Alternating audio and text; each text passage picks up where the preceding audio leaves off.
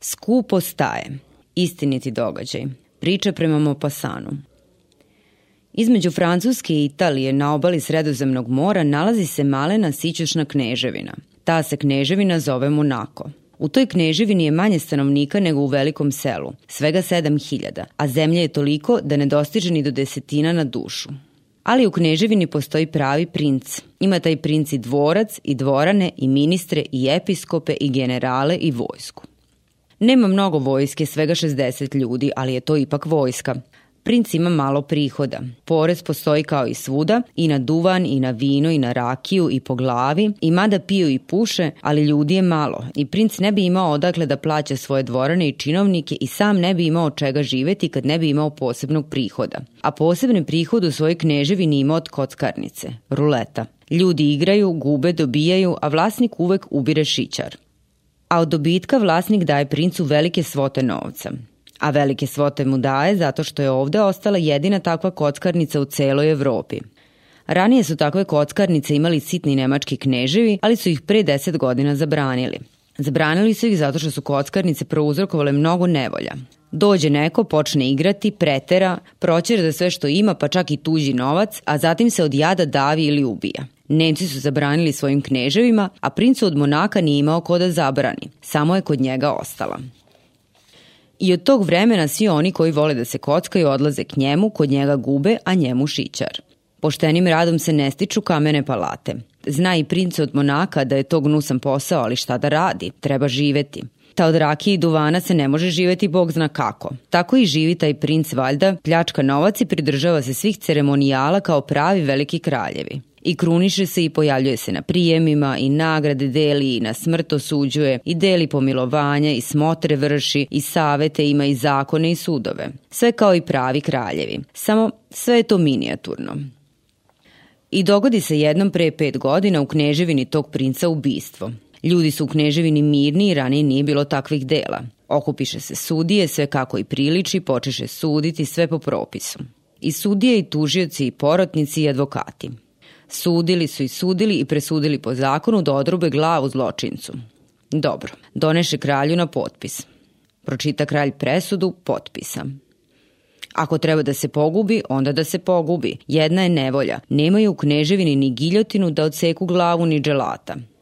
Mislili i mislili ministri odlučili da se obrate francuskoj vladi. Da li mogu francuzi da im za izvesno vreme pozajme giljotinu i dželata da odseče glavu zločincu i ako mogu da izveste koliko treba platiti za to?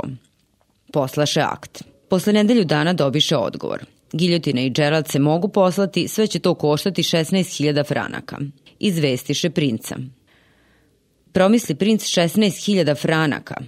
Ne vredi veli nitkov toliko novca, ne može li nekako jeftinije? Jer 16.000 franaka to znači sa više od 2 franka oporezovati svakog stanovnika. Biće muke oko toga. Mogu se pobuniti. Sazvaše savet kako da to reše. Odlučiše da se obrate istim zahtevom italijanskom kralju. Francuska vlada je republikanska, ne mari prinčeve, a italijanski kralj je naše gore list, možda će ponuditi jeftinije. Napisaše dobiše brzo odgovor. Italijanska vlada javlja da će im vrlo rado poslati i giljotinu i dželata i da će sve skupa s podvozom izneti 12.000 franaka. Jeftinije je, a ipak skupo. Tanitkov ne vredi toliko novaca. Ispada opet da se gotovo 2 franka treba oporezovati svakog čoveka. Opet sazvaše savet. Mislili, mislili, da li može nekako jeftinije? Hoće li se neko od domaćih vojnika primiti da odseče glavu? Pozvaše generala. Može li se naći takav vojnik koji će odseći glavu? Ta u ratu i onako ubijaju. Vojnike za to i obučavaju. General porazgovara s vojnicima, hoće li se ko primiti. Vojnici nisu hteli da se prime. Ne vele, mi to ne znamo i nismo učili. Šta da se radi, opet su mislili, mislili, sazvaše komitet, komisiju, podkomisiju. Ponovo razmotriše. Treba vele zameniti smrtnu kaznu doživotnom robijom. I princ će se pokazati milostiv i bit će manje troškova. Pristade princ te tako i odlučiše. Nevolja je samo što nije bilo posebne robijačnice u kojoj bi ga mogli doživotno zatvoriti. Bilo je aspana, istina maleni gde su zatvarali za izvesno vreme, a zidane robijašnice u kojoj bi se moglo doživotno zatvoriti nije bilo. Pa ipak pronađaše prostoriju. Zatvoriše momčinu. Postaviše stražara. Čuvar i čuva i ide po hranu za zločinca u dvorac. Odleža tako momčina šest meseci, odleža godinu. Uze princ na kraju godine da svodi račune, vidi za izdržavanje zločinca u zatvoru novi izdatak ne baš mali. Posebni čuvar i hrana. Za godinu dana utročeno je 600 franaka. A ovo momče je mlado, zdravo, živeće, bog me 50 godina. Dela izračuna koliko će to stajati. Veliki izdatak ne može tako.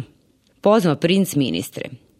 Smislite veli kako da nas taj nitkov jeftinije staje. Inače će nas papreno stajati.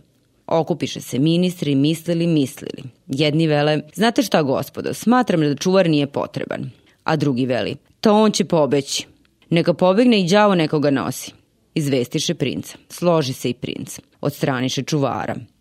Gledaju šta će biti. Imali su šta videti. Dođe vreme ručku, iziđe zločinac, potraži čuvara, ne nađe ga i pođe u prinčevu kuhinju po svoj ručak. Uze što mu dadoše, vrati se u zatvor, zatvori za sobom vrata i ostade tamo. Sutradan isto. Ide po svoju hranu, a od bežanja ni pomena. Šta da se radi, zamisliše se. Treba mu vele otvoreno reći da nam nije potreban. Neka ide. Dobro. Pozove ga ministar pravde i veli mu. Zašto vi veli ne bežite?